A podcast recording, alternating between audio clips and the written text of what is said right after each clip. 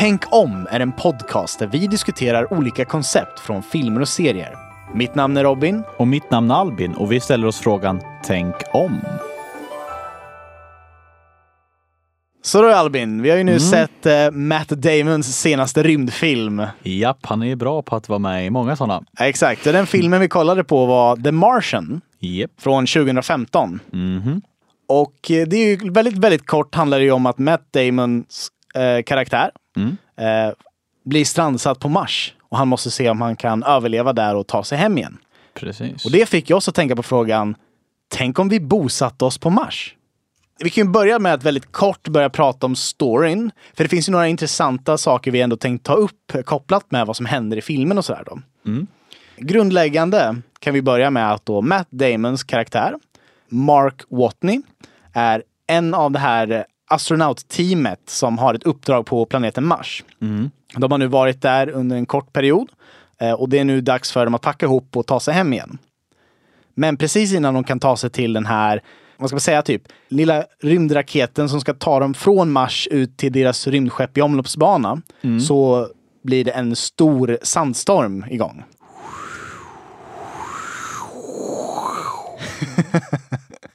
ja, och eh, under den här stormen då så blir Mark Watney, Matt Damons karaktär, blir träffad av eh, flygande, vad heter det? Det är en para, egentligen, de har ju en rymdbas där på Mars. Mm. Och han blir träffad av en eh, typ kommunikationsparabol. Ja, liknande. just det, just det. Matt Damon, nej. Nej! Det var kört för honom där. Så, Eller? men eh, det här resten av rymdteamet eh, tror ju att han är omkommit så de får ge sig ifrån innan eh, de också blir strandsatta. Precis, för grejen är så här att de kan inte få tag i honom. De kommunicerar via de här rymddräkterna och de har tappat sändningen och det är mörkt och sanden yr och man ser ju egentligen ingenting. Och de har då jättekort tid på sig att åka. Så det här teamet då tar sig från Mars, tar sig till sitt eh, rymdskepp i omloppsbana och beger sig hemåt mot jorden igen. Och det är då vi faktiskt, som tur är, ser att Mark Watney har inte alls omkommit. Utan han överlever, Så vitt vi vet. så vitt vi vet. och eh, Mark Watney är nu strandsatt på den här basen på Mars. Ja, alltså och just ordet strandsatt tycker jag är väldigt passande just för att det är väldigt mycket sand. Det är sant, det är sant. Han måste nu se till att göra vad han kan nu för att försöka överleva, ta kontakt med NASA igen och eh, få hjälp att ta sig från den här planeten Mars. Då. Precis, för kruxet är ju att Mark Watney och de här andra fem astronauterna, de är med i ett fiktivt NASA-projekt som heter Ares 3. Och det handlar egentligen om att vi ska kolonisera Mars och egentligen bygga upp en koloni där eh, och se till att eh, odla mat och kunna leva där. Då. Eh, och i det här uppdraget så har de, för att kunna ta sig till Mars, det är nämligen så att Mars och jordens omloppsbana är, man kan säga jorden och Mars, avståndet mellan jorden och Mars varierar ju. För att eh, jordens åker ju runt solen och Mars som är den fjärde planeten, jorden är den tredje, eh, den åker ju också runt solen. Och vid ett skede så är Mars och jorden väldigt nära varandra. Ja, just Så man kan säga som nästan deras banor linjerar. Och då är avståndet till jorden 56 miljoner kilometer. Mm. Men eh, när det längsta avståndet är 400 miljoner kilometer. Ja, just det. Och det är lite anledningen för att eh, jorden är ju tredje planeten och Mars är fjärde planeten. Så jorden kommer hinna ta sig ett varv runt jorden på en kortare tid än vad Mars har. Runt solen, ja precis. Ja, exakt. Just Ja. Och det gör ju då att eh, det ma- man måste göra, man måste vänta för den här luckan som man kallar det. Eh, för att kunna se till att man ska kunna ta sig fram till Mars på ett visst antal dagar. Då. I det här fallet för det här uppdraget är det 124 dagar det tar. Okej. Och man måste vänta, när de anländer, när det här Mark och gänget anländer, då har de antingen måste de stanna på Mars i 30 dagar eller 500 dagar för att hitta den här luckan hem till jorden igen så att de ska hinna hem. För de som har tillräckligt med mat och så tiden inte tar slut helt enkelt för deras Ah. uppdrag. Och nu var de där i 30 dagar, de var tvungna att åkna, åka och nu måste eh, Mark vänta ett bra tag. Ja, ja, just det. Men så som jag då förstår det rätt så är det att Man har då 30 dagar på sig att hinna med den här luckan. Eller så får, om man missar den så tar det då 500 dagar innan den luckan har kommit igen. Liksom, typ. Precis, för att jordens omloppsbana, eller Mars omloppsbana är 1,88 gånger längre. Mm. Och det blir alltså 2,13 år. Eh, det är då va, varje 2,13 år, varann, vartannat Ah. år helt Ah, enkelt, okej. så linjerar jorden och Mars igen då. Då är det den snabbaste vägen man kan ta. Ja, ja. Enligt filmen då i alla fall. Just det. Bra punkterat det. Vi kan väl säga direkt att det, det finns en annan, eh, en annan variant, men det kanske vi kan nämna senare. Så nu har ju då Mark överlevt den här sandstormen då och han behöver då vänta de här 500 dagarna till att bli räddad. Precis. Men det är ju då två saker han måste göra. För det första måste han ju bygga upp en kommunikation med NASA och berätta att han faktiskt lever. Och det andra är ju att kunna överleva med de resurserna och då säger vi typ mat och vatten och eh, bostad och sånt under den tiden också. Och eh, som tur för Mark så är ju han då en botanist på det här uppdraget dit. Vad är en botanist Robin? Ja, det är en bra fråga. Albin. Eh, man kan säga som så att eh, Wikipedia har svaret. Eh, Ja. Enkelt förklarat så är en botanist eh, någon som studerar biologi och studerar växtriket. Och då specialiserar man sig på att lära sig om växter. Hur växter eh, funkar, hur de utvecklas, vad de kan ha för sjukdomar, i vilka eh, klimat de kan växa, i vilka platser. Alltså helt enkelt, man lär sig om växter. Växter. Ja, just det. Och det, det är väldigt viktigt just för Mark. För att det finns ju mat kvar på planeten. ehm, I den modulen som de bodde i, forskningsgruppen där. Men det skulle ju inte i närheten räcka till den längden som han behövde vänta. Den tiden som behövde liksom ske. Så han måste ju lösa det på något sätt. Och hur han kan tänka sig lösa det här är ju att han kan försöka odla på Mars. Mm.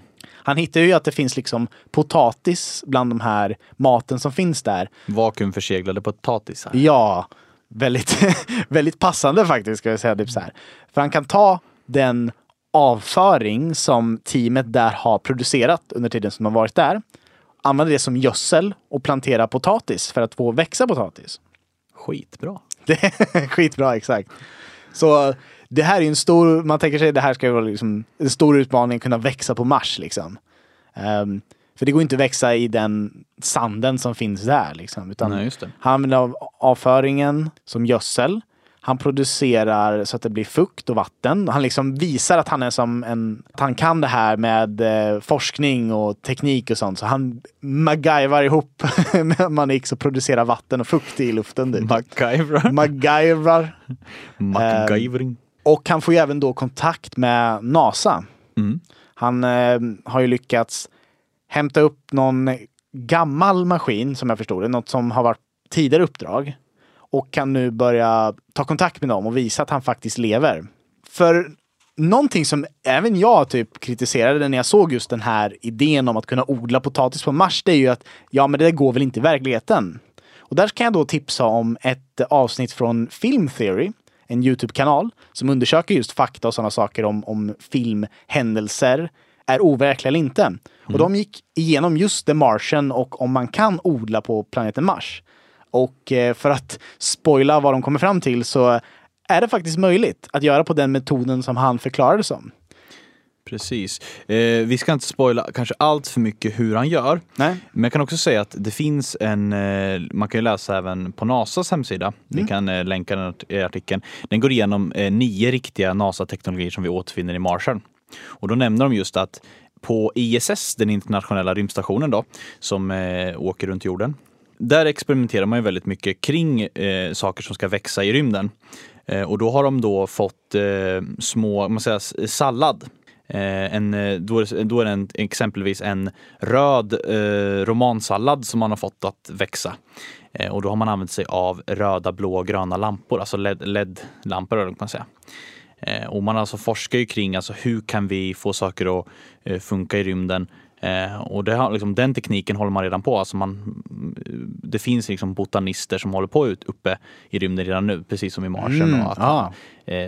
för att det ska kunna ja, hur ska vi lösa det liksom eh, i, eh, hur ska vi kunna lösa det när vi är på Mars helt enkelt. Ja, ja, ja. Så det tränar vi redan nu i rymden. På. Ja, så vi utforskar lite experiment, se vad som funkar och sådana saker, eller? Ja, alltså helt enkelt typ när vi inte har samma, samma det är andra förutsättningar kanske på andra planeter eller Ja. i rymden och hur ska vi vad, vad kan vi använda oss av för exempelvis att de använder just sallad. Eh, Mm. Det kan man läsa i, i eh, fl- flera artiklar och de uttalar sig just att det är väldigt bra. Man väljer näringsrik, alltså det är väldigt näringsrikt. Det är enkelt. Ah, ja. Det krävs jättelite, alltså jätteliten strålning från de här eh, lamporna Okej. för att kunna, så det är väldigt lätt att Ah, ja, odla ja. men också det är mycket näring. Så Ja. det är väl två faktorer de försöker spela in. Hur kan vi, eh, det kan vara enkelt, inte kräva så mycket och kan man få ut mycket näring i, Mm. i liksom. Okej. Det är också en väldigt viktig grej eh, att, för att kunna känna sig liksom bekväm och hemma. För att resan till Mm. Mars, om vi nu säger att den skulle ta 124 dagar som den tar i eh, The Martian. Mm. Eh, det kan ju lite variera beroende på vad man tar, när man åker upp och sådär. Men Ja. Eh, då under den tiden, det är ganska länge, då kan säg, motivera de att det kan vara ett sätt inte bara för att fixa mat utan också ett sätt att eh, få tiden att eh, gå och ha någonting, någonting att göra. Mm. Och det är någonting eh, vi ser Mark. Ja, Han det. får ju faktiskt ett, ett, under den här långa tiden han ska överleva på den här planeten Mm. har han faktiskt någonting att sysselsätta sig med. Ja, just det. Eh, och det tror man är väldigt viktigt. För på ISS till exempel, det handlar inte bara om sysselsättning, det handlar också om att någonting man kanske kan känna igen sig i. Mm. Eh, exempelvis Christer Fuglesang, vår eh, astronaut Ja, som var i rymden. Han hade med sig älgkorv och sådär upp och man får ha med sig lite så egna produkter. Ja, eh, ja. Upp själv, typ, så man känner att ah, men nu är jag fortfarande på jorden då. Mm. Ja, men för det är ju någonting jag tänker på just det här med, om vi tänker oss till vår fråga, liksom, tänk Mm. om vi bosatte oss på Mars. Det är ju vad är det för förutsättningar vi måste anpassa oss, oss ut efter? Och då är det ju till exempel, vi tänker att vi måste ju bli självförsörjande. Och vi måste fixa det här med luft. Vi måste fixa att klimatet vi kan bo i som en modul och sådana saker. Och sen måste vi se till att vi kan liksom psykiskt må bra också i, i den miljön vi skapar oss i. Typ så här. Men jag vet inte, har, har vi lite så här, kollat upp lite fakta och sådana saker om hur det, hur det är på Mars? Liksom? Vad är det för förutsättningar där? Robin, om Mm. du skulle gå ut, om du skulle vara Mark Watney nu och sen skulle du Ja. gå utanför den här hub-modulen då, där han bor, Mm. eh, utan en rymddräkt. Då Okej. skulle du tycka det var väldigt kallt Jaha, och du skulle dö- direkt. okej. eh, och det finns ju många anledningar varför. Ja, Jag har ju redan sagt ändå för att det är väldigt kallt. ja okej. Vä- Eh, väldigt kallt. Det är ungefär eh, genomsnittstemperaturen då, eh, om man tänker hela, Ja. eh, så är det 55 minusgrader. Oh, Och eh, det skulle vara väldigt jobbigt tryck för dig också. Du skulle okej. kvävas. Jaha. Eh, det, det, och, ja, inte kanske av trycket, det, du skulle snarare kvävas för att det är 0,13% syre och 95% koldioxid. Ah, wow. Så det, det är inte så bra. Okej, så jag skulle både frysa ihjäl och bli kvävd Mm. på grund av att det finns så lite syre och, och Ja, sånt? och sen skulle du inte må så bra av trycket heller. Nej, okej. Eh, det är nämligen så att eh, det motsvarar trycket eh, 38 kilometer upp eh, om man tänker Oh. jord, jorden. Då. Från jordens yta då? Liksom. Precis. Wow. Och ja, eh, det grejen är så här att eh, det finns vissa, eh, vissa ställen på Mars som faktiskt du skulle kunna ligga och sola faktiskt. Jaha, Eh, det är när, när, närmare ekvatorn kan man faktiskt nå rumstemperatur. Jaha, okej. Men eh, överlag eh, kallt, kallt, kallt, kallt, kallt. Trots att det är en Oh. väldigt röd och härlig planet. Och varför är den röd då? Ja, just det. Men vi, som vi har förstått det så är det att den här pl- Mars-planeten är röd på grund av att det finns järnoxid i sanden. Är Man kan här- tänka sig att planeten rostar. Ja, Så inte nog med att det är dött kallt och eh, lite då är det med luft och Den rostar också. trycket och det rostar alltså. Ja. alltså den ser ju ganska fin planet ut ändå. Som en röd trevlig planet som ser ut som lite jorden. Kanske, alltså eftersom man, det är ju en röd sand Mm. så tänker man att det borde vara väldigt varmt där. Men det är faktiskt kallt alltså. Precis. Okej. Och, och grejen är så här, det, det, det vi kommer in på nu är att Mars är kanske inte i sitt nuvarande skede så beboeligt. Nej. Men det är det The Ares Mission, Mm. alltså RS Mission 3. Eh, det är alltså det fiktiva uppdraget som Mark Watney är med i. Mm. De har ett uppdrag där de helt enkelt landar eh, sådana här hub-moduler, alltså habitation modules, där man Ah. bor i. Och de kommer med supplies och de landar med hjälp av en Mars Ascent Vehicle, MAV. Eh, innan de skickar män människor helt enkelt. Och det här, när vi får följa Mark och dem, då är de som sagt Ares Mission 3. Ja. Så det som har hänt innan är att man har skickat upp boendeställen, alltså hab, hab modules, man har skickat upp rovers som har kartlagt eh, hur Mars ser ut och så vidare och förberett helt enkelt. Ehm, och sen när de kommer upp så ska de liksom fortsätta arbetet, de ska förbereda för egentligen nästa grupp människor. Men eh, vi kan väl gå igenom hur, hur eh, själva det här projektet funkar. Ja, Det okej. här. Så den här uppdraget, man kan säga det är som sex steg. Ja. Och då har ju Mark och gänget, de, från början skickades de från jorden i en, eh, en fa- rymdfarkost som åker upp till den heter Orion då och den åker upp till Hermes och det är den stora rymdfarkosten som ska, som ska ta dem till Mars. Ah. Den är, är i omloppsbana runt jorden då. Så de åker med hjälp av Hermes och Hermes eh, de använder sig av någonting som heter Ion Propulsion. Ah, ja, ja. Det är alltså jon, en jonmotor. Mm. Man använder sig av helt enkelt med väldigt långsam acceleration. Okej. Det är som gas som knuffas på med hjälp av artiklar, eller med hjälp av partiklar. Partiklar. Eh, eh, så att det blir en liten, liten acceleration. Det är Ja. alltså en, en, en eh, teknologi man använder. Vi behöver inte gå in på det här, men ni kan, om ni vill veta exakt hur det funkar så är det Ion Propulsion. Okej. Eh, och med den eh, tekniken så får man en långsam acceleration hela vägen till Mars då. Resan tar ungefär 124 dagar. Mm. Och då kommer de, när de kommer till omloppsbanan runt Mars, då åker de ner med hjälp av en MDV, en Mars Descent Vehicle. Ah, ja. Och de landar nära det här stället som, nu, som, som jag pratade om är förberett. Men de har de här hub-modulerna som de ska Modulerna, bo i och ja. allting är liksom förberett då, så att säga. Ah, ja. De har även rovers och sånt som man kan utforska. Och de ska alltså stanna 30 dagar eller 500 beroende på vad de har för uppdrag. Okej. Och uppdraget de hade i Marsen var 30 dagar. Mm. Och sen då när jorden och Mars har kommit så de synkar igen då efter det har gått, eh, ja när, när de fortfarande är i synk då, Ja. de här 30 Så eller under de här 500. 30 dagarna. Mm, då kan de åka tillbaka helt enkelt. Mm. Eh, och när de åker, kommer hem så är tanken att ett nytt eh, team ska skickas upp. Eh, och sen så kommer det fortsätta så. Okej. Och det här är ju väldigt likt eh, ett projekt som vi har i verkligheten. Ja. Mars One. Ja, just det. Det är ju ganska intressant för det är någonting som håller på att hända just nu. Vad det egentligen går ut på handlar ju om att vi ska börja bosätta människor på Mars helt enkelt. Vi håller nu på att eh, söka igenom de folk som ska vi, ska... vi ska helt enkelt välja ut några personer som ska vara de första som ska bosätta sig på Mars. Och sen kommer det sen bli att vi mer och mer skickar människor dit. Så. Och vi kommer även liksom att få filma liksom som en tv-show som jag har förstått det typ om den här gruppen som kommer vara dit först. Då, liksom så här. Eh, och det, ska, det arbetas på nu och kommer ske om en, inom en snar framtid. Här, då, liksom. Så det är ju typ grunden i det.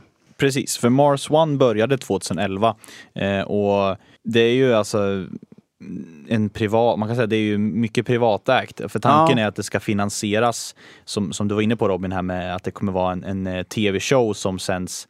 Eh, man kommer alltså följa astronauternas liv, både träning, förberedelse inför eh, det första crewet då skickas iväg eh, till det att det kommer eh, ja, men helt enkelt, man kommer få följa hela resan för att det ska, det är en del i finansieringen.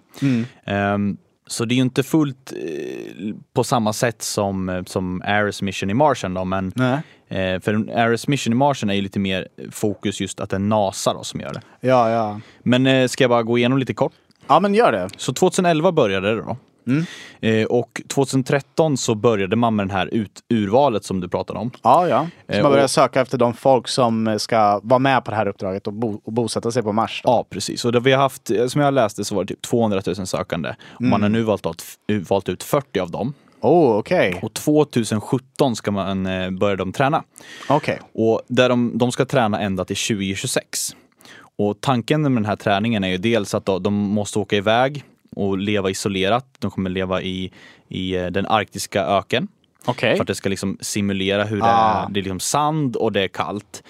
Och sen så ska de lära sig att reparera de här olika hub-modulerna som kommer skickas upp och de ska eh, åka rover och de ska kunna göra medicinska ingrepp på sig själv och kunna lära sig att eh, odla mat. Okej. Och Mark, han eh, får man ju se i filmen, eh, Mark Watney-filmen, han, han dels, som vi gick in på, han i början där, när sandstormen yr, Ja, så får han ju en vajer från den här kommunikationsparabolen i kroppen och han är tvungen att dra ur den och liksom stitcha upp sig själv. Just det, ja. Så han, då får man ju veta att han har liksom tränat att kunna göra första hjälpen Ja, grejer på sig just själv det, ja. i extrema situationer. Just det, ja. Och sen att han är botanist och kan odla sin egen mat. Det är också, Ja, och även han räknar ju matematiskt på saker och ting och han kan bygga eh, grejer. Så det är mycket så här olika erfarenheter. Alltså, Så det är mycket saker de behöver kunna liksom. precis. Det Ma- Mark visar upp är egentligen sånt som de här astronauterna kommer tränas inför. Ah, ja. 2020 Mm. så skickar man upp eh, en kommunikationssatellit. Eh, Och det, det är den som, den kommer alltså vara i omloppsbanan runt Mars och den kommer man använda som kommunikation mellan jorden och Mars helt enkelt. Ah. Och det kommer vara 24-7 förutom när solen står emellan planeterna och då, kan, då, blir, det, då, blir, det inte, då blir det störning. Då. ah, okej. Och sen så skickar man 2022 upp en rover och en till kommunikationssatellit. Och det rovern ska göra, det är att ta reda på vart ska vi sätta själva basen för kol- kolonin då. Ah, okej. Och det, det den tittar på är, den ska vara tillräckligt norrut eh, för att eh, marken ska innehålla vatten. Man har hittat vatten på Mars eh, och man har hittat spår och man vet att det finns vatten på Mars. Ah, ja. Och det finns det i jorden och då måste man placera sig så att man kan egentligen få ut det ur det vattnet ur jorden. Mm. För det handlar ju om att man ska kunna ur, med hjälp av vatten och eh, man filtrerar ut l- luften från Mars så ska man kunna med hjälp av det fixa syre. Au. För vatten är ju H2O och Ja. det är alltså två väte, eh, eller ja, Två väte och en väten syre. syre. Man ska kunna få ur sy syret ur det där med, med hjälp av, jag vet inte exakt hur det funkar men Ja. det, det är därför man vill vara norrut i alla fall. Ja, ja, just det. Sen vill man vara tillräckligt nära ekvatorn. Mm. För är man närmare ekvatorn så får man mer eh, solkraft. Man får mer Mm. sol, sol och då kan man, eh, för man använder sig av soldriven energi helt Ja, just enkelt. Och sen ska det vara tillräckligt plant för att man ska kunna bygga lätt. Ja. Så det är de tre faktorerna som här rovern kommer titta efter. Ah, ja, ja. Och när, man, när rovern bestämmer platsen så skickar man då eh, de här eh, då hittar, skickar man egentligen de här olika containrarna med saker som ska placeras då helt enkelt. Ah, ja. Eh, De kallar det cargo missions. Och man skickar upp en till satellit och den, den ska skickas runt, runt solen och den ska komplettera för det här bortfallet. Ah. Eh, den perioden som den andra kommunikationssatelliten inte kan tycka till. Liksom. Ah, okej. Eller inte kan skicka information. Ja, just det. Störningen av det. Precis. Och då 2024 skickar man då ut eh, en andra rover, två sådana hub-moduler, eller ja, de heter kanske inte hub, men de är two living units då. Ja. Two life support units, det är de här som ska fixa syre och liknande, eh, som jag pratade lite om innan. Och sen lite andra supplies. Helt enkelt, man scoutar först, va- vart är det vi ska vara? Ja. Och sen skickar vi upp massa saker då. Och 2025 så ska allting vara klart. Eh, man, alltså då ska man ha fixat modulerna man bor i. Om vi ska kortfattat eh, säga att man har förberett så att nu kan folk börja anlända. Ja. Och det sker alltså 2026. Då kommer den första crewet att anlända. Då. Och det de gör då när de landar är att de förbereder helt enkelt för eh, för grejen är att man skickar iväg de första eh, och sen eh, lite efteråt samma månad då, i den här 30 dagars perioden, Ja. fortfarande inom samma lucka, så skickar man även med liksom nya supplies och nya eh, cargos för näst, eh, crew nummer två. Ah, Okej. Så hela tiden, det kommer liksom man skickar människor och så skickar man förberedande för de människorna som kommer nästa gång. Och då, då när de första har landat två- 2027, då ska de förbereda för nästa crew som ska landa. Och sen så håller det på Ah. sådär. Så då kommer det komma ett nytt crew till Mars i, inom varje ny lucka då? Så det blir så drygt två års Ja, mellan det kommer varje bli då? så här, för det cargot för andra crewet kommer Ja. landa när, ungefär några veckor efter första crewet har landat. Ah, okej. Och då kommer de börja installera de sakerna de har fått. Mm. Och det, så, så, så speciellt med det här uppdraget är att de kan inte åka hem, människorna Nej, som åker dit. det, ja. Så då måste de hela tiden eh, bygga på nästa som ska komma. De ska helt enkelt, man kan, man kan bo fyra människor i en sån här modul då. Så, de, så då, då får de hela tiden skicka upp nya människor måste man ha också nya bostäder så att säga. Eller, Ja, ja, ja. Ehm, och det kommer fortsätta sådär då. Hårdvaran för den andra besättningen då Mm. kommer göra att de kan bo 16 stycken astronauter då. Okej. Och sen åker eh, 2028 åker nästa besättning. Ja, då. okej, så två år efter Nästa då. crew, nästa besättning. Ja, och så där kommer det fortsätta eh, varje, var, vartannat år då. Och det är som vi gick igenom där 2,13 år Ja. när det linjerar helt enkelt. Ja, okej, ja, just det. Ja, men eh, så det här är liksom siffror som, som är planerad att bli då, då. Så det är inte säkert att det är just de här årtalen det kommer ske på liksom. Exakt. Jag utgår nu från Mars1.coms hemsida Mm. och det är egentligen Roadmap heter den, alltså själva planen som de har lagt fram. Ja. Vi, vi länkar självklart det i podd, Ja. podden. Liksom. Ja, men för det är någonting som jag tycker är väldigt intressant just med Mars One och det här projektet kan man ju kalla det. Det är ju det att det är privat. Så de ska ju göra en typ tv-show, man får följa crewet och så här och se det så. Men vad exakt kommer vi allmänheten få reda på liksom? Vad, vad kommer de dela med sig? För någonting som är just med, med NASA och det tar de även upp då i The Martian. Det är ju det att det de tar in och liksom får bilder på, det är ju någonting de måste släppa offentligt. Så alla har tillgång till det material som NASA samlar in, det, det är liksom data. Så att då till exempel när Mark blir, fastnar på den här planeten och vi kan se att liksom så bilderna på att han har flyttat saker och ting på hans eh, bas där på Mars. Det är ju bilder som allmänheten har tillgång till. Och även all kommunikation som han har med NASA, det är ju sådana meddelanden som kommer släppas offentligt. Så vi kan hela tiden se vad är det som försiggår där då. Men det kommer vi kanske inte riktigt ha med just det här Mars One privata projektet. Nej, du tänker just det här med att de har inte samma förhåll, de har kanske inte samma regler och sådär. Nej exakt, för de har inget krav på sig att de måste släppa saker och ting offentligt. Men det är ganska intressant för de tar upp det i marschen just att eh, de får inte reda på, resten av besättningen på Hermes då, eh, den här rymdfärjan som de åkte Mm. Ja. till Mars med, som nu åker hem, de vet inte om att Mark lever. Nej. Och eh, NASA vill inte ge dem den uppgiften för att inte eh, egentligen kompromiss, compromise the mission, alltså helt Ja enkelt exakt, göra det att mer jobbigt för dem liksom, om de känner att de har lämnat kvar en av sitt crew på planeten. Liksom. det hotar liksom uppdraget så att säga. Ja, de har ju ändå, ändå svårt att eh, behöva landa och sådana saker och sånt. Det, är ju, det är ju sånt de måste fokusera på. Och det är väldigt intressant tänker jag just hur kommer man behandla människorna i förhållande till att de är på en tv-show och dels liksom ska generera kanske på något sätt tittarsiffror. Ja, Liksom, om det händer någon olycka, hur förhåller man sig till det? Det tycker jag är väldigt intressant just för att på Ja. något sätt forskning men också någon slags f- finansiell eh, baktanke att det ska Ja. vara någon slags underhållning av det. ja. Hur blir det liksom? Ja precis, för det, alltså, det är ju om de hela tiden ska fortsätta skicka nytt folk och nya resurser, liksom mer mat och sådana saker. Det, det kostar ju så otroligt mycket så på något sätt måste de ju få in pengar. Och är, är det då genom den här tv-showen eller vad kan vi tänka oss liksom? Ja, jag tänker liksom merchandise, att det blir ett varumärke i sig och jag, eh, vi kommer ju självklart titta. Jag menar, Ja. månlandningen var ju någonting 69 där som fångade, då levde ju inte vi, men Nej. eh, det är ju någonting som fortfarande ekar tillbaka, liksom, eh, stora ry- Ja, rymdkapplöpningens esse helt enkelt. Ja just det. Eh, och det var ju massa baktanke kring eh, USA och Ryssland som tävlade. Mm. Eh, om eh, liksom vilket land som kunde visa upp framfötterna mest och Just rymden det. varit en symbol för det. Mm. Eh, hela Marsgrejen blir ju som en symbol för, eh, för mänskligheten Ja. och vår framfart och hur man väljer att eh, vinkla det i kommersiellt syfte tycker jag blir väldigt intressant. Hur, Ja.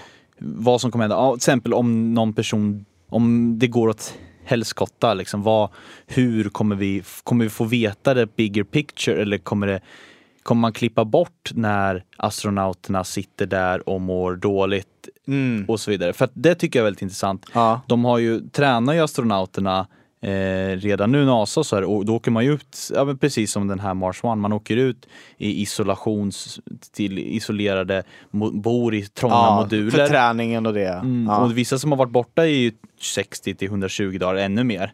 Mm. Eh, De har ju, vissa har ju fått rubb, jätterubbade sömncyklar och blivit Ja. nästan, alltså blivit jättedeprimerade och så. Och hur kommer det, alltså kommer vi få följa det? Alltså vad tar de med? Helt enkelt, vad kommer tv-showen visa och vad kommer den inte visa? Mm.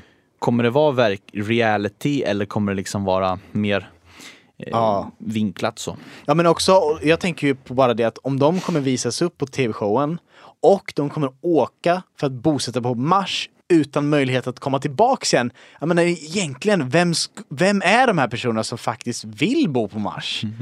liksom. Ja. Jag vet inte hur du känner, jag, jag skulle inte vilja åka iväg dit och bo där utan att kunna återvända hit liksom. Nej, alltså jag tänker att jag har svårt att tro att de inte på något sätt skulle kunna återvända. Men eh, som uppdraget ser ut nu så kan de inte det, nej. Nej. Och, men jag, jag, jag, det är sjukt där. Ja, och liksom bara, bara den saken att du kommer också, du måste kunna vissa saker. Du kommer liksom troligtvis bli någon tv-serie. Så man kommer få följa dem på något sätt och vis. Och, men då är det också så här, vad är det för regler de måste följa för att få bo på Mars liksom? Inte bara överlevnadsregler, vad de måste kunna och hur de liksom ska göra för att liksom överleva. Utan även typ så här, ja men kan, kan, kan de göra vad som helst på Mars? Går, går det liksom att bilda familj och sådana saker? Alltså, vad är det man ger sig in i riktigt? Det jag undrar, eh, måste de sterilisera sig innan? Liksom för att, eller Ja. liksom, får de föda barn? Det, det har varit lite otydligt, men som jag har Ja. förstått det är ju målet att man ska bygga upp en koloni och kunna föda barn där. Ja. Och då kommer ju kruxet. Och det är ju så här att gravitationen på Mars Mm. är ju 38 procent av gravitationen på jorden. Eh, och vi ser redan idag astronauter som har varit ute i, i rymden. Det finns ju redan en problem där med låg gravitation. Eh, Det är ju näst, så nä- nära noll man kan komma. Ja. Eh, där så börjar deras skelett bli svagare, musklerna börjar brytas ner och de behöver ju eh, träna i, i rymden för att motverka det här. Ja. Ehm, men det ger ändå bestående, alltså de, de blir svagare. Eh, och då om en, ett barn föds, det, finns det helt andra komplikationer, alltså skelettet kan växa på alltså, Ja. och det är också läst att det kan vara svårare att ens bli gravid för det påverkar hur spermierna simmar och liknande. Och liknande. Eh, men life finds a way som de säger i Jurassic Park, så det, det är kanske inte det största problemet. Men Nej. just det här med att när barnen väl eh, växer så, Mm. så kommer de bli svagare. Så är man född på Mars då kanske man inte kan åka till jorden och, och leva där och den, och, utan Ah, att ja, ja. vara bördad av den här skillnaden då. I, ja, just det. och då kommer vi in på någonting som jag tycker är väldigt intressant. En artikel jag läst från BBC Ja. som handlar om just, för vi, vi tänker oss frågan nu, liksom, vill man ens bo på Mars? Handlar det verkligen om att vi vill bo där eller finns andra alternativ? För den här, den här artikeln heter då helt enkelt eh, The Expert Guide to Space Colonies. Ja. Den eh, berättar ju dels hur, hur, hur eh, kostsamt och hur svårt det är att eh, då bygga på andra, dels på Mars då. Eh, det går igenom eh, att målet på något sätt handlar ju om att vi försöker sätta upp någon artificiell biosfär så man kan bo där på Mars. Och det kommer vara otroligt mycket pengar det kommer krävas. Ja, okej. Artikeln börjar med att gå igenom att det är så dyrt just för det kostar för sex, eh, de, det bor ju sex stycken på ISS. Det är Ja. värt att nämna att precis som i den här Ares Mission, man skickar ut några, en besättning på sex och sen så by, byter man av var, vartannat år där. Eller ja, det by- byts, man byter besättning. Det gör man ju på internationella rymdstationen också. Just Ja. för att man får inte vara ute, uppe för länge för att det kommer påverka. Ett barn då som är uppe jättelänge, det finns många olika problem det händer då. Men 2 miljarder per år kostar det bara för vatten, vattenmängden på ISS. Oh. Och då har man inte ens nämnt liksom att det ska finnas mat och syre. Och för det man måste uppnå liksom att man måste få alla de här resurserna och det ska vara självgående. Och liksom ska man då använda närliggande asteroider för att hitta resurserna? Det, liksom, vad- det finns så mycket, Ah, ja. finns så mycket utmaningar. Men då det värsta är det då liksom så här, man kan få eh, det, re- reducerad gravitation enligt artikeln kan ju dels göra som jag sa, liksom eh, skelettet och musklerna, eh, musklerna bryts ner och skelettet blir svagare. Ja. Men det kan också by- byggas upp ett, ett tryck i huvudet. Och det kan göra att man får problem med ögonen. Det är ju vissa eh, astronauter som, eh, som jag har förstått som har fått problem med det. Okej. Eh, strålningen Ja, kan ju ja. öka risken för cancer. Eh, man kan få känna sig ensam, man kan få sömnproblem. Mm. Och det kan ju bara säga den psy- psykiska påfrestningen som redan eh, de på jorden har känt av i isolation och så vidare. ja, ja. Och sen kan man få en, en liten kul detalj. Håret vi har i ansiktet, det är lätt, Ja. det, på grund av den lägre gravitationen så är det större chans att eh, det kan börja fatta eld. Okej. What? Ja. Oh.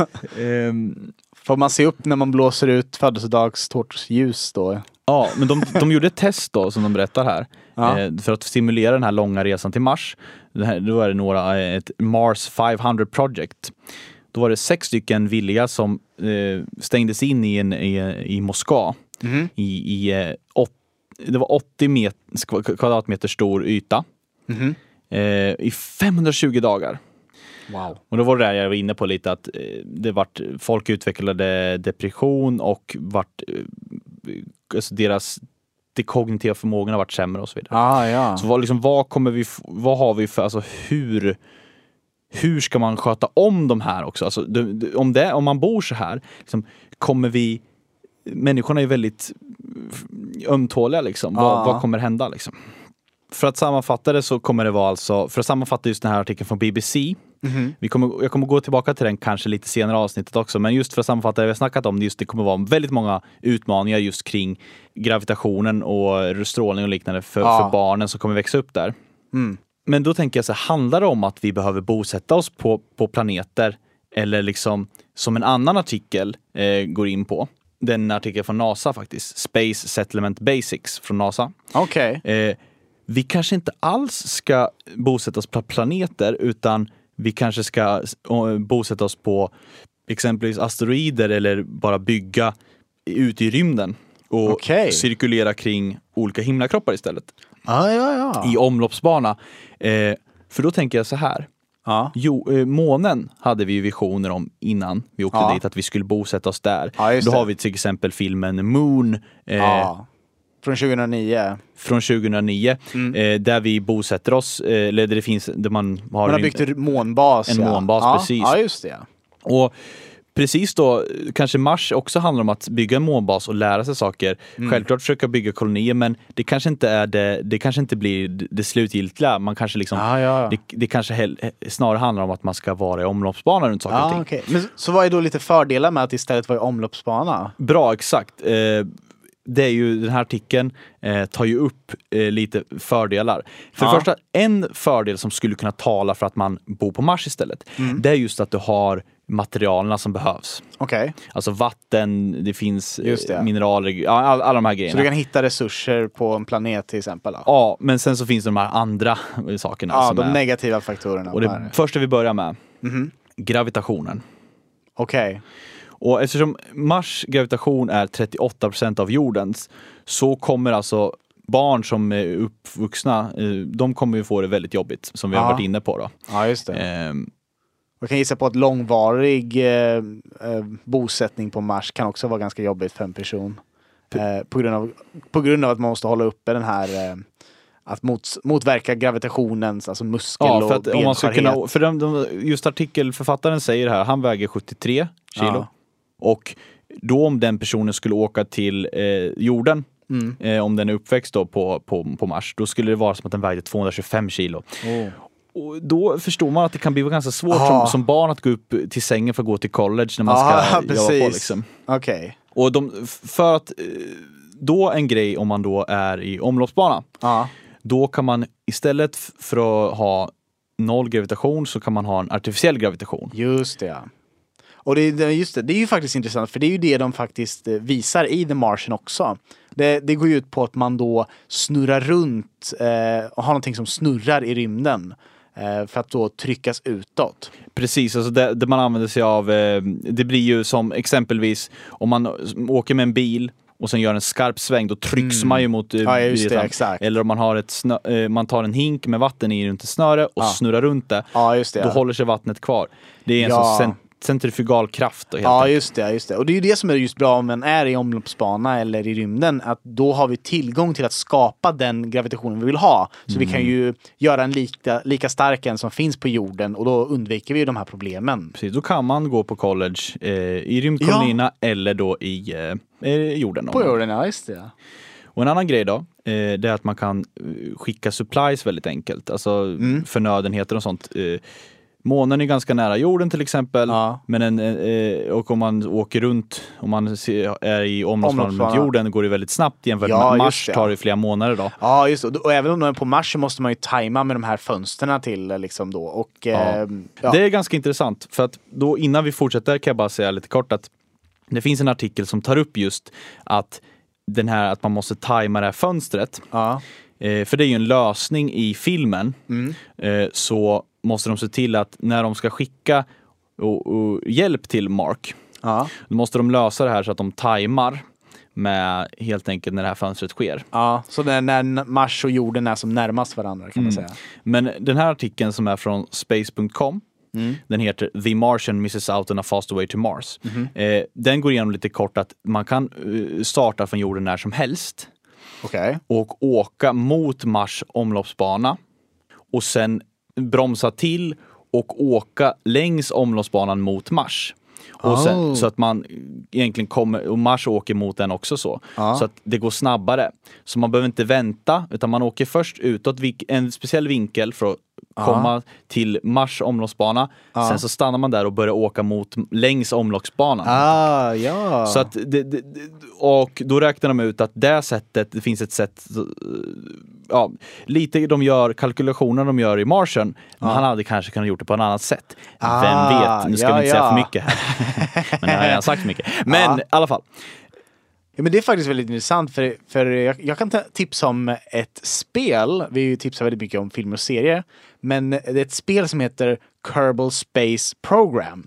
Och där så får man bygga olika raketer och sådana saker och sen flyga ut dem simulerat som eh, ungefär riktiga världen. Så här. Och där kan man ju definitivt märka typ hur man kan manipulera omloppsbanor och gravitationer av andra planeter för att liksom tajma det. Mm. Liksom Så, här. så den tipsar jag liksom om att testa på. då går vi till nästa då. Ja. Ehm, viktlös, eh, viktlösa nöjen då helt enkelt. Mm. Och det om man vill kan man ju söka på videos of astronauts playing in zero G och man kan se hur astronauterna leker. De leker med här, eh, vattendroppar och liknande. Att Christer Fuges han lekte ju med Ahlgrens rymdraketer. Ja, ja, ja. Eh, och käkade dem när han var uppe på ISS.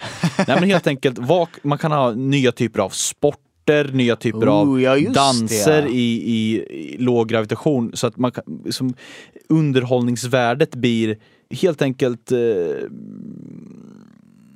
Tänk fatta liksom man kan liksom åka skateboard i tyngdlöshet. Ja, just det. Man kan tänka tredimensionellt på ett helt annat sätt. Alltså. Ja, det, det kommer att vara helt fantastiska saker tänker jag. Jaha, nice. Ja, men det, det får mig att tänka på den här filmen Enders Game från 2013. Och där har de just eh, olika sporter och sådana saker i eh, nollgravitationsrum typ så här. Mm. Om, man, om man vill se lite hur det kan se ut. Och då om man ska återgå till barn det här, då kommer det förmodligen vara så om nu är, man bor på rymdkolonier, Mm. så tar de upp det i artikeln att då kommer vi, mamma och pappa ropa på sina barn att du får inte leka för mycket nu i de här vikt, för grejen är så, man kan ju då, eftersom man gör artificiell gravitation, jag vet inte om Ja. jag sa det, men då kan man ju då ha vissa zoner som då inte är, eh, som är låg gravitation Ja, istället. just det. Det som inte snurras på kan man Ja, säga. helt enkelt. Och då så säger man det till, eh, då kommer ju pappan och mamman bli kanske lite sura om barnen där är det för länge för då kommer inte deras ben bli starka nog. Nej, just det. Musklerna. Så att, eh, ajabajabar, ni får inte leka för mycket i tyngdlöst här. Nej, precis.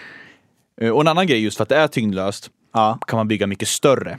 Ja just det. Just för att eh, du och jag skulle kunna peta på stora pansarvagnar eller enorma höghus i rymden för det är ju ingen gravitation Mm. Nej, just på det. det här sättet. Så att eh, man kan bygga så enormt stora konstruktioner Ja, ja. Eh, och det finns så mycket potential. Ja. Eh, så man skulle kunna bygga he- hela liksom bio, biosfärer. Ja. Eh, då tänker jag på filmen, eh, eller ja, serien snarare, Ja. Mm. Under the Dome. Den är från 2011 och framåt.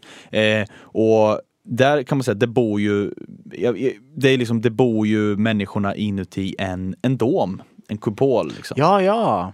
finns ju även Simpsons the Movie som tar upp det där. Ja, just det. Men just alltså, Domen, ja. man kan bygga så stort och kontrollera, man kan egentligen kontrollera vädret Ja. och man kan egentligen få en hel, då, en annan tips är ju The, The Truman Show.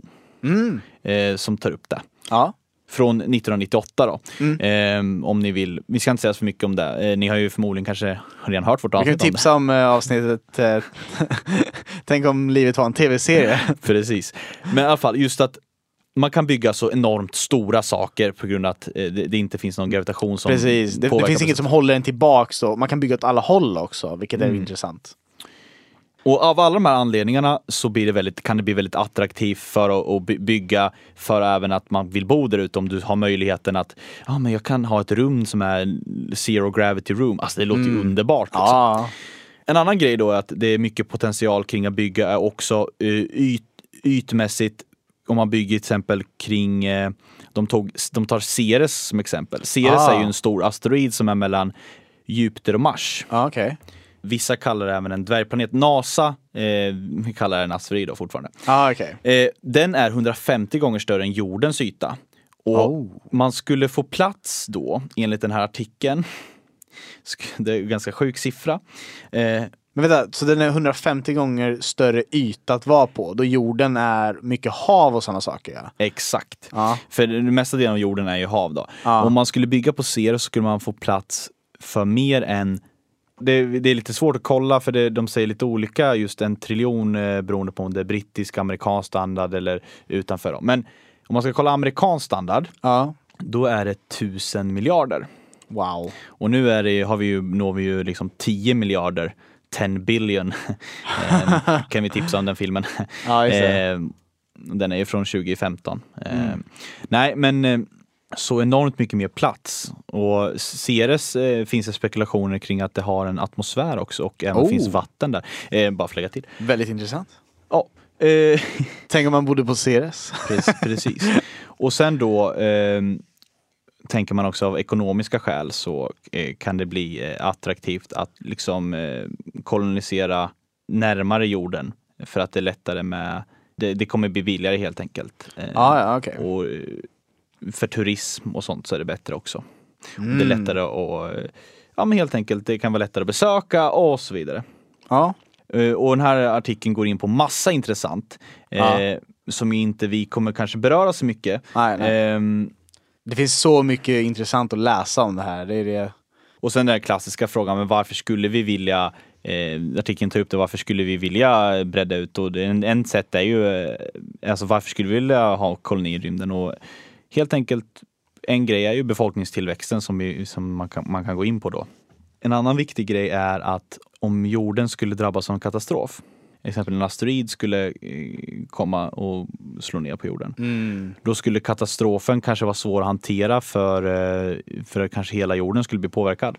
Då Ah, om man ja, har ja. rymdkolonier kan de hjälpa till istället. Mm. Eh, och en annan film som just eh, tar upp rymdkolonisering är ju Elysium som jag tycker är ett ganska bra exempel. Ja, just det. Där har vi- från 2013 då. Där har vi även Matt Damon i huvudrollen igen där då. Han, han, gillar, han gillar verkligen att... eh, Ja men det här med rymden och vara i underläge. ja, det...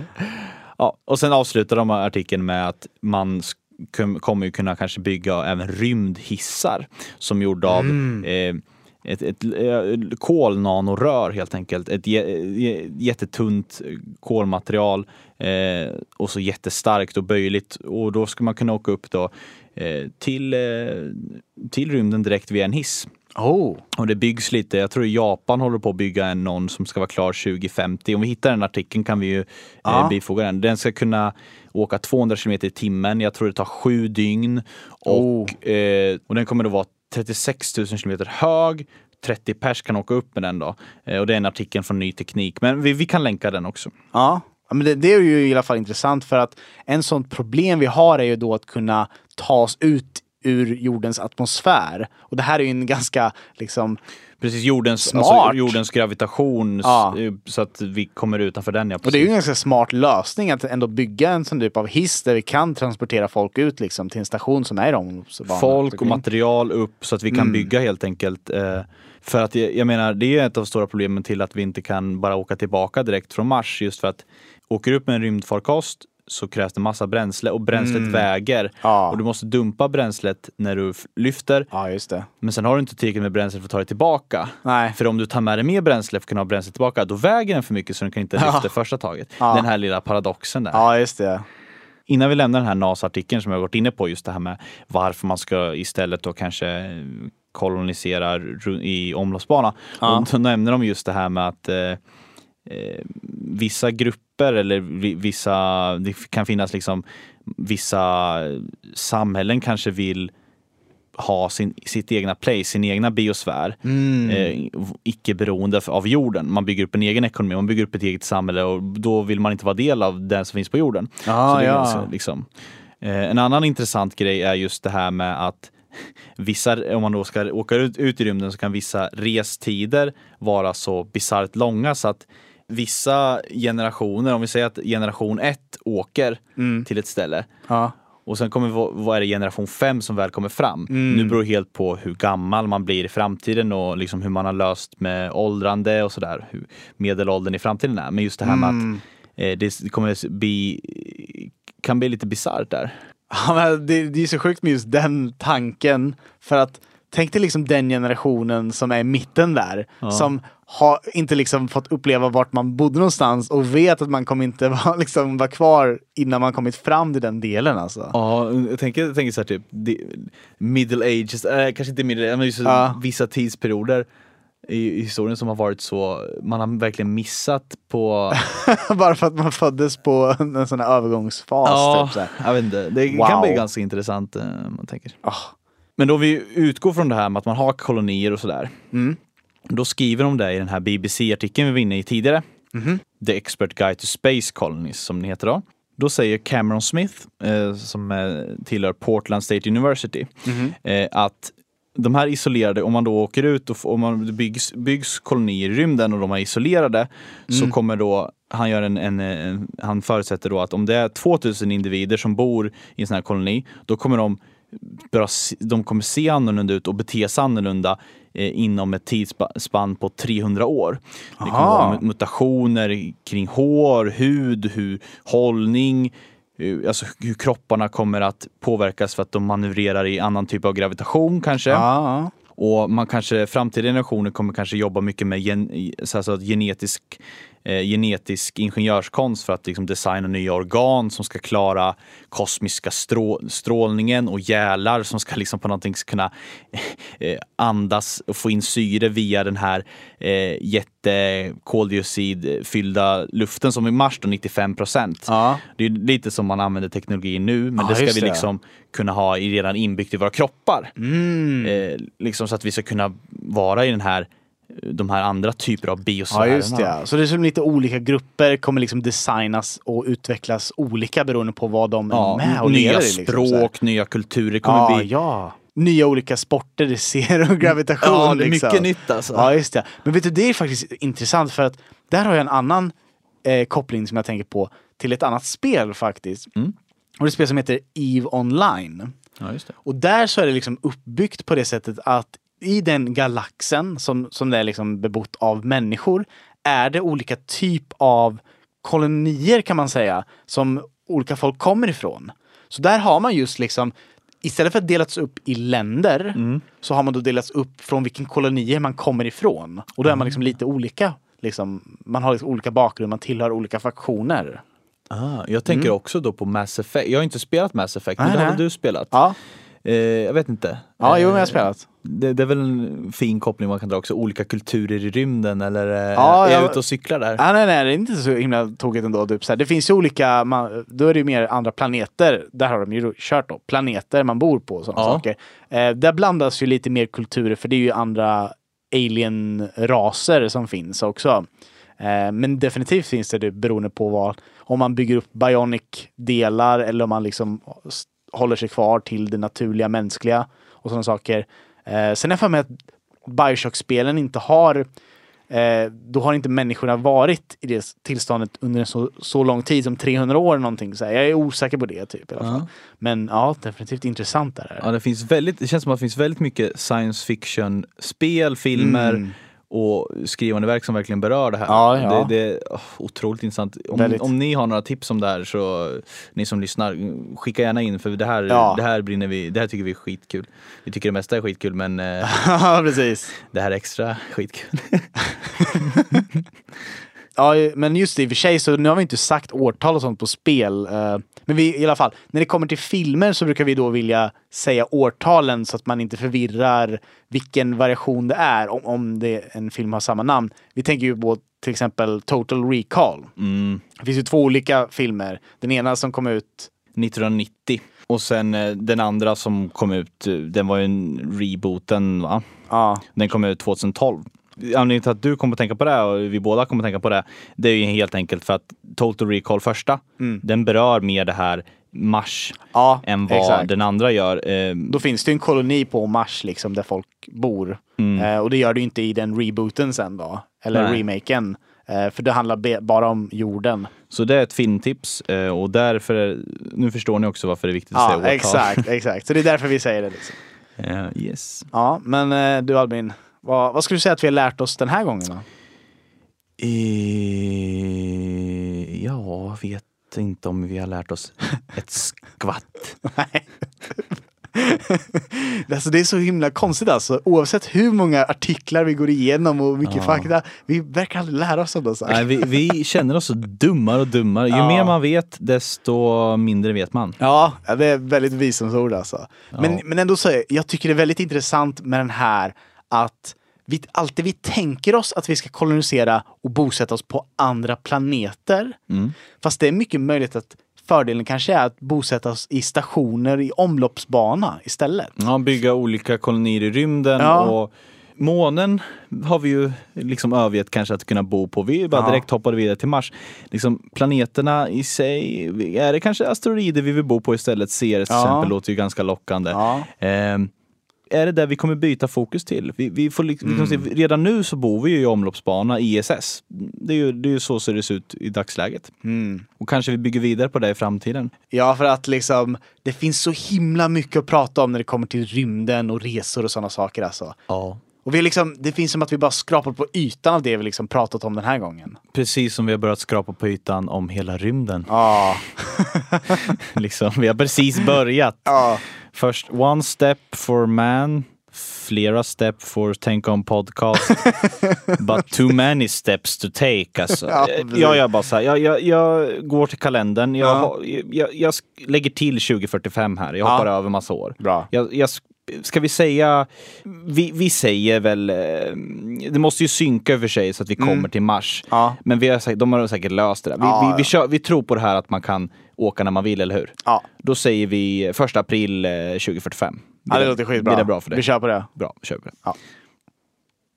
Vi har ställt oss frågan, tänk om vi bosatte oss på Mars? Vi har utgått från filmen The Martian. Men det finns ju fler filmer och serier som berör ämnet. Här är snabba tips.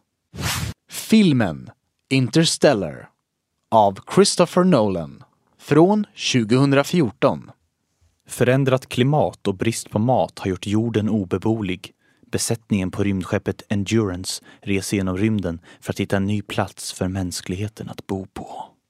Filmen Total Recall av Paul Verhoeven från 1990. Douglas Quaid åker på semester till Mars med hjälp av implanterade minnen. Något som ställer hela hans liv och personlighet på spel. Filmen Moon av Duncan Jones från 2009.